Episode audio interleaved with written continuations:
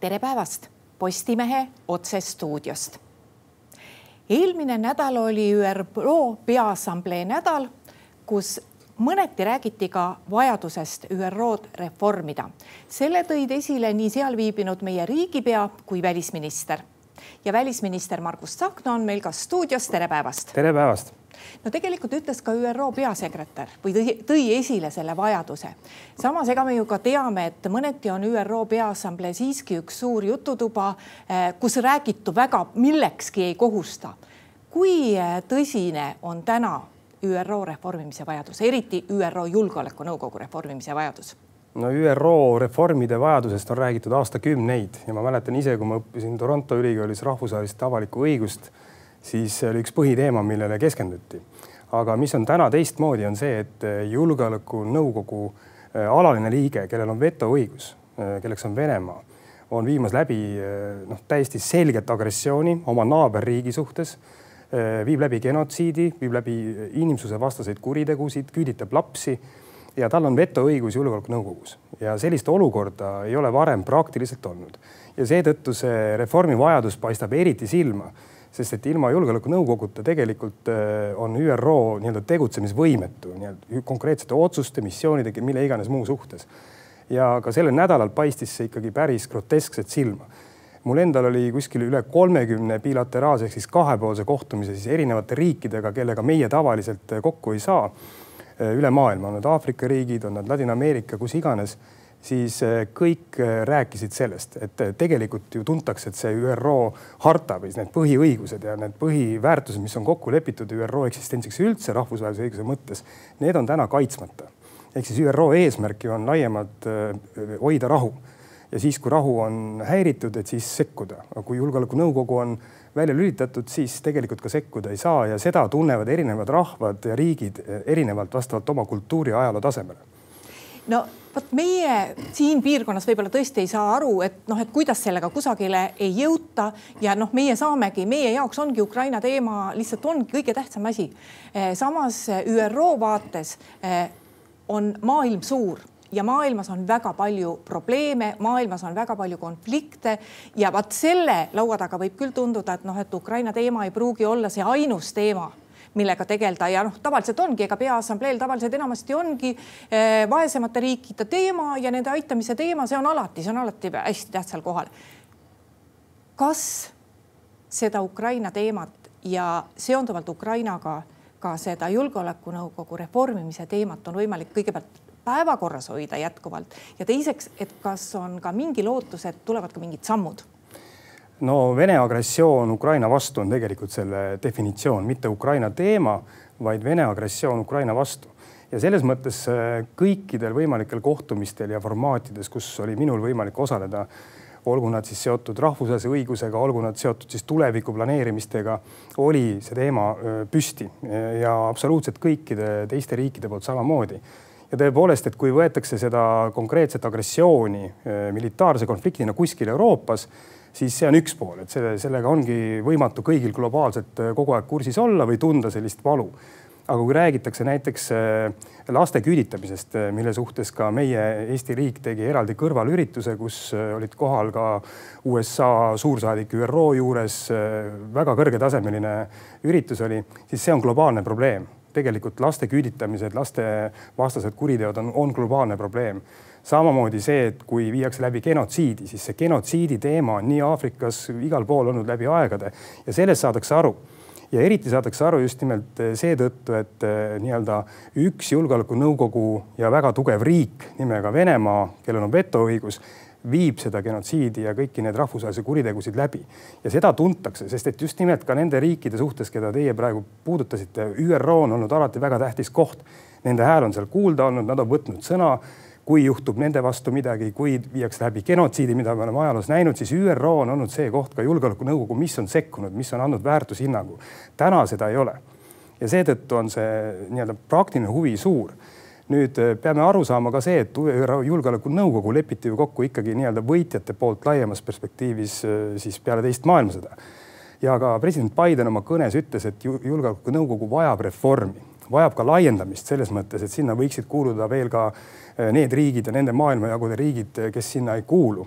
aga Eesti poolt vaadatuna, mida meie silmas peame on see, et teatud kuritegude ja õiguse rikkumise puhul äh, oleksid veto alt väljas need teemad, noh näiteks needsamad inimsusevastased kuriteod, agressioonikuriteod, et need ei kuuluks vetostamise alla. täna nad seal kahjuks on no seda enam, et vetostada ei, ei peakski saama riik, kes on ise konflikti osapool või õigupoolest selle konflikti ju tekitanud. just nimelt, see on ka tegelikult ÜRO hartas põhimõttena kirja pandud, aga praktikas äh, see ei tööta, ehk siis isegi noh, väike näide Äh, nii-öelda marginaalne, kui president Zelenskõi hakkas kõnet pidama, siis Venemaa sekkus, kuna president Zelenskõi oli pandud julgeolekunõukogu istungil nii-öelda etteotsa kõnet pidama, lõpuks sõideti lihtsalt Venemaast üle.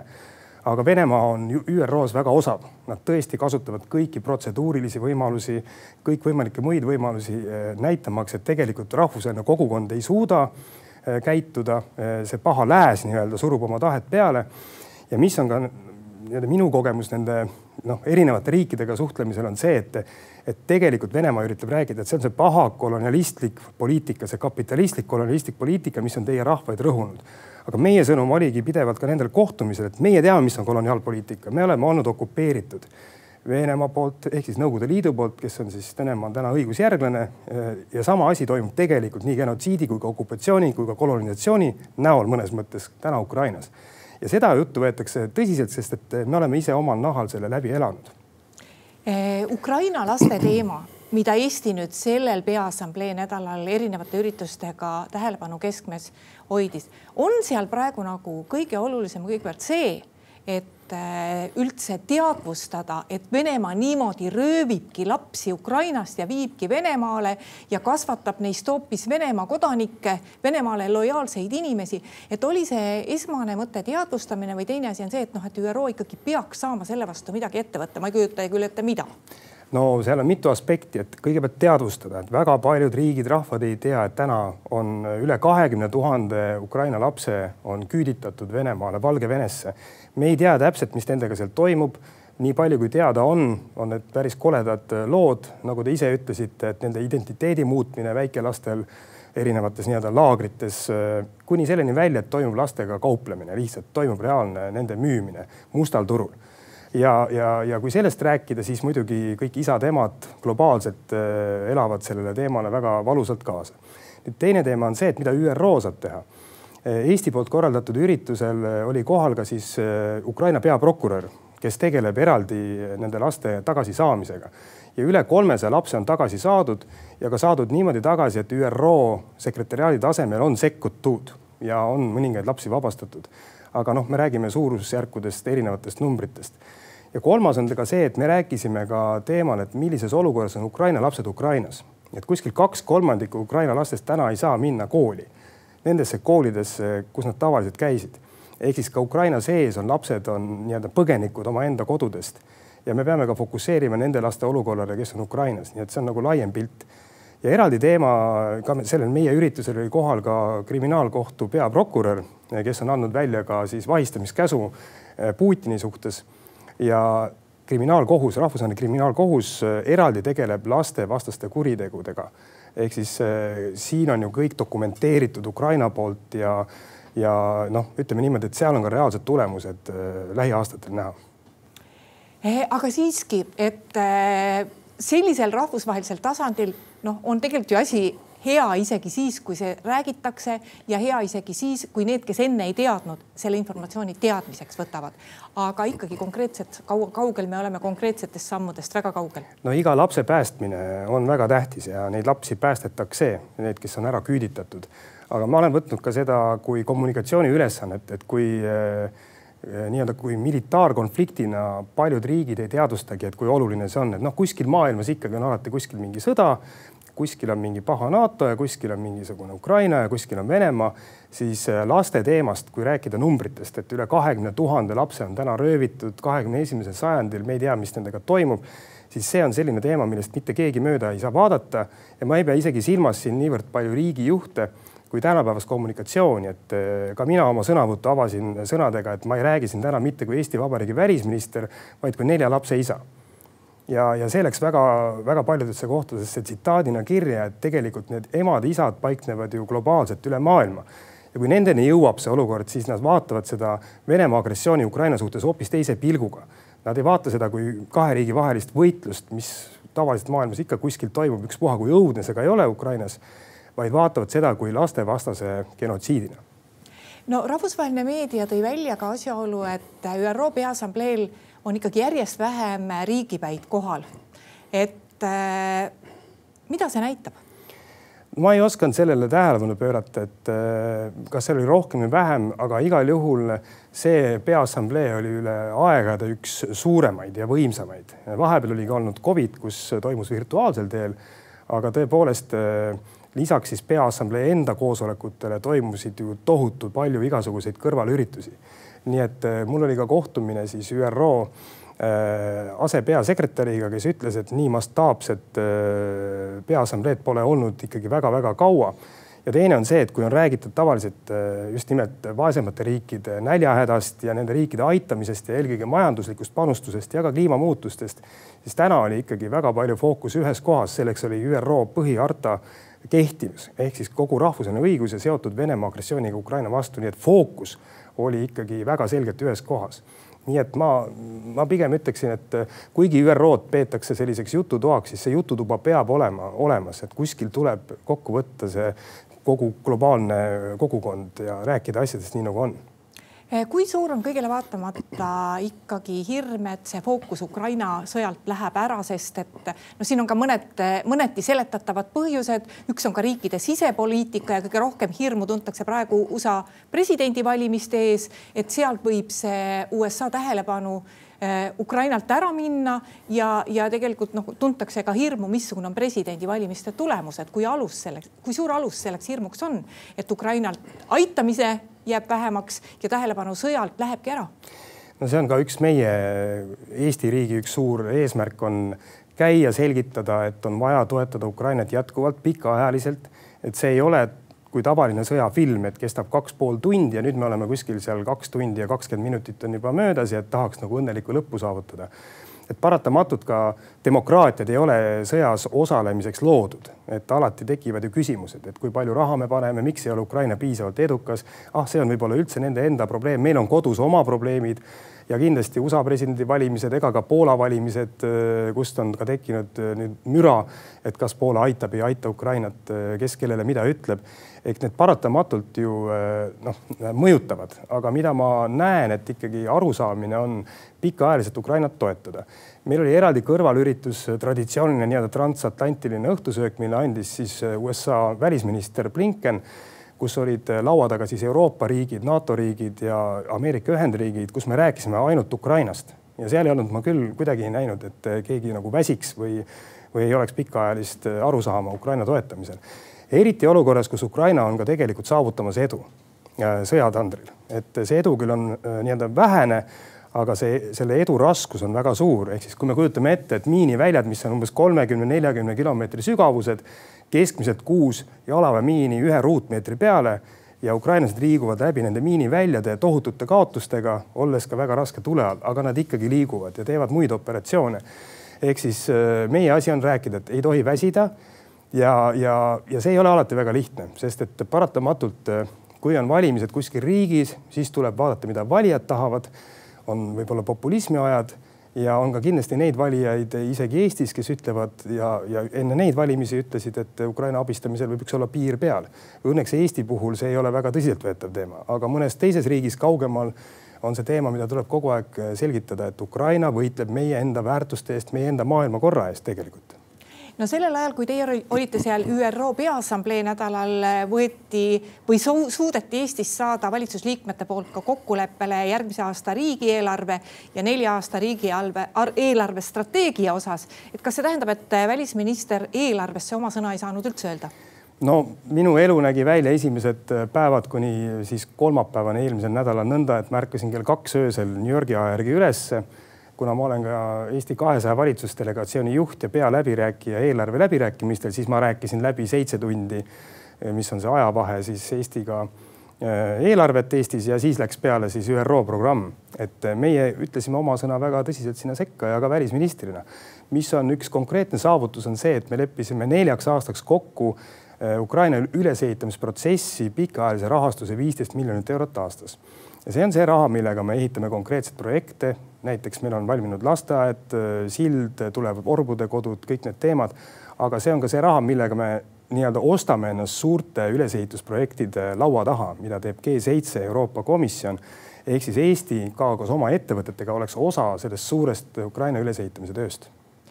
see on nüüd päris kindel, et saatkondi me kinni selle kärpimise tuhinas ei pane ma olen alati öelnud, et saatkondi me kinni ei pane, sest saatkondade kinnipanek äh, võib-olla annab korraks mingit rahalist tulu, aga see kahju, mis tekib ka mainele, äh, on, on nagu korvamatu ja, ja mõned näited ajaloost on olnud, kus me oleme siis mõne aasta pärast jälle uuesti avanud saatkonna. ehk siis Eesti saatkondade võrk on niikuinii suhteliselt väike ja need riigid, kus me oleme, me ei kavatse sealt kunagi ära minna nii et äh, välisministeeriumi kärbe sellesse solidaarsuskärpesse tuleb eelkõige bürokraatia, tuleb töökohtade arvelt ja eks me peame rohkem pingutama.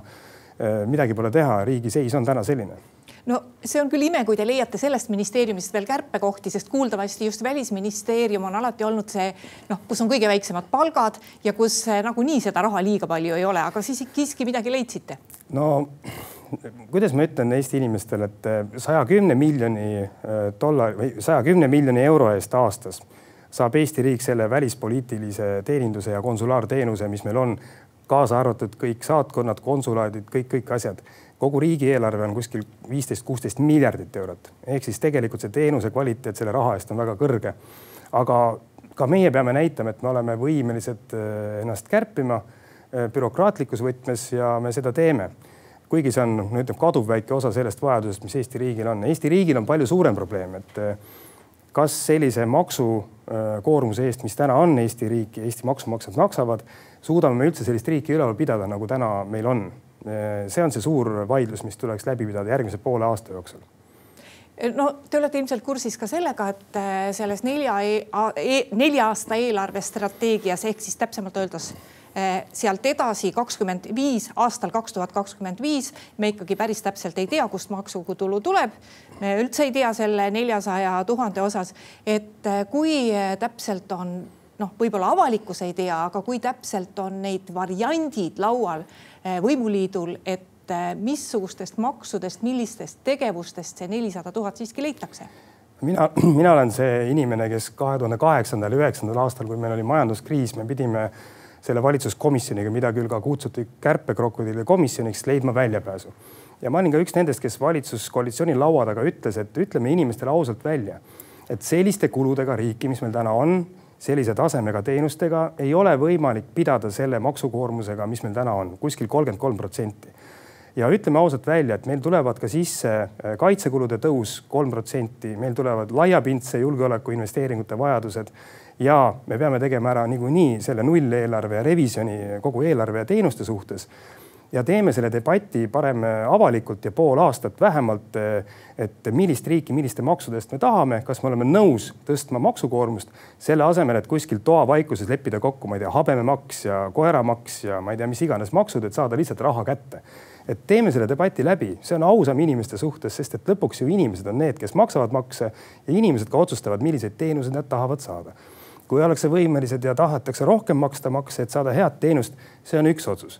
Kui tahetakse elada võlgu, äh, mida me täna juba teeme, viimased kolm valitsust on pannud päris jõhkralt ikkagi võlakoormusesse oma panuse, siis me läheme sinna laenuspiraali, mis on natuke sarnane Kreekaga, kui keegi mäletab neid äh, lugusid mõned aastad tagasi. ka see on otsus aga me peame seda avalikult otsustama, mitte kuskil tagakambris, et ära klattida eelarve tasakaal mingite uute äh, meile teadmata mõjudega maksudega ma tuleksin saate lõpus veel tagasi Ukraina teema juurde, juurde, et te ütlesite, et Eesti jätkab kogu aeg maailmas ka nendes kohtades, kus võib-olla Ukraina teema ei tundugi nii pakiline olevat, selle teema tõstatamist. no siiamaani on meie peaminister olnud suur eestkõneleja. tema tõsiseltvõetavus on saanud tublisti kannatada. kes on Eestis see uus eeskõneleja, kes on see uus nägu, kes räägib Eestis Ukraina teemal, kui peaminister on mängust väljas? no peaminister mängust väljas ei ole, aga kindlasti eh, see idaraha või mis iganes, kuidas seda Eestis nimetatakse, skandaal mingi märgi jätab tema isiku külge aga Eesti välispoliitikat on üles ehitatud kolmkümmend kaks aastat ja meil on äh, nii välisminister, president, meil on väga paljud muud rahvusvahelise suhtlusega seotud institutsioonid, kes jätkavad oma tööd. ma ei ole tundnud, et meie riigi äh, kui terviku tõsiseltvõetavus oleks kuidagi kahjustada saanud. näiteks väga suurt huvi tuntakse selle vastu, kuidasmoodi nüüd Eesti võtab kasutusele Venemaa külmutatud varad, see on pretsedent kogu maailmas.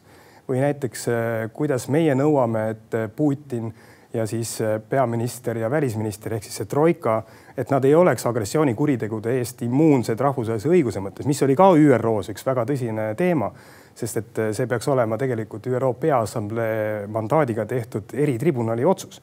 ehk siis meie teemad, mida meie ajame seoses Venemaa agressiooniga, on niikuinii nõnda teravad, jõhkrad ja ausad, mis kaitsevad demokraatlikku riigikorda ja kogu seda väärtussüsteemi et äh, seda rolli keegi Eestilt äh, kuidagi ära ei võta ja see tõsiseltvõetavus tuleb läbi meie tegude, noh kuni kasvõi selleni välja, et ma pidin rääkima, kuidasmoodi Eesti ka pii, koos piiririikidega keelustas äh, Venemaa numbrimärkidega autode sissesõidu meie riikidesse. ega see maailmas tundus väga erakorraline samm. ehk siis näitame oma tegudega, mida me teeme, ärme niivõrd palju mõtleme kogu aeg, mida teised meist mõtlevad eh külmutatud varade kasutuselevõtu puhul ütlevad rahvusvahelise õiguse spetsialistid, et see on üsna keerukas protseduur, et teha tuleb kõik selleks, et ühel hetkel ei minda selle vastu kohtusse ja me ei maksa veel kordi ja kordi rohkem nende vara, nende varade omanikele. kas meil on praegu juriidiliselt vettpidav variant, kuidas seda teha ja kas me, kas me teeme seda, võtame kasutusele need varad? me oleme Välisministeeriumis teinud väga kõvasti tööd tõesti maailma tipptasemel juristidega koostöös, et leida siis õiguslikult pädev skeem, kuidasmoodi juba ka sõja ajal võtta kasutusele Venemaa külmutatud varad, nii, nii Venemaa riigivarad kui ka tegelikult eraomandis olevad varad, kui siin on räägitud ja ma tahangi selle läbi valitsuse anda Riigikogule kuskil paari nädala pärast üle, et me käiksime läbi kõik riigi õiguslikud aspektid nii Riigikogus, eh, konstitutsiooni ehk siis põhiseaduse kontrollis ja kui vaja, ka siis kohtusüsteemis. me oleme täna seisukohal, et see skeem, mille me oleme leidnud, on meie põhiseaduse ja ka Euroopa Liidu ja ka rahvusvahelise õiguse, õigusele vastav. aga saate aru, et see on see päriselt see samm, mis lööb Vene oligarhe, mis lööb päriselt Vene riiki ja me peame valmis olema siin mitte ainult juriidilisteks vaidluseks, vaid ka päriselt suure mõjuga huvigruppide võitluseks läbi Euroopa erinevate riikide, läbi pankade, kust iganes. ehk siis me näitame siin teed. Äh, ma olen ise veendunud, et see on põhiseadusepärane ja seadusepärane, aga siin tulevad ka teised surved peale ja tuleb ka poliitiline surve. ma juba täna näen, kuidasmoodi, kasvõi näiteks see näide, et äh, kaks nädalat tagasi president Putin andis välja oma korralduse, et hakata natsionaliseerima rahvusvahelisi ettevõtteid, mida siis hakata nii-öelda tagasi andma, juhul kui näiteks lääneriigid vabastavad külmutatud varasid. ehk siis Eesti samm on siin saanud väga tähele, väga suure tähelepanu osaliseks. ma väga loodan, äh, et Eesti parlament suudab selle menetleda rahulikult, aga põhjalikult ja piisava kiire tempoga läbi. et me loome selle pretsedendi ja ma ka eelmisel nädalal oma äh, poliitilises avalduses Riigikogu ees palusin Riigikogul jätta kõrvale kõik siseriiklikud äh, vastuseisud ja fokusseerida, sest kui me selle ära teeme, selle lahenduse, siis see avab äh, sellise laeka, kus me päriselt loome pretsedendi Venemaa varade kasutuselevõtuks vähemalt Euroopas. Kanadas on olemas üks mingi juriidiline lahendus, aga see on teine õigussüsteem. nii et Eesti astub siin jälle ühe suure sammu. Margus Tsahkna, aitäh tulemast saatesse ja aitäh ka kõigile neile, kes meid vaatasid. Postimehe järgmine otsesaade on eetris juba homme. seniks lugege uudiseid postimees.ee.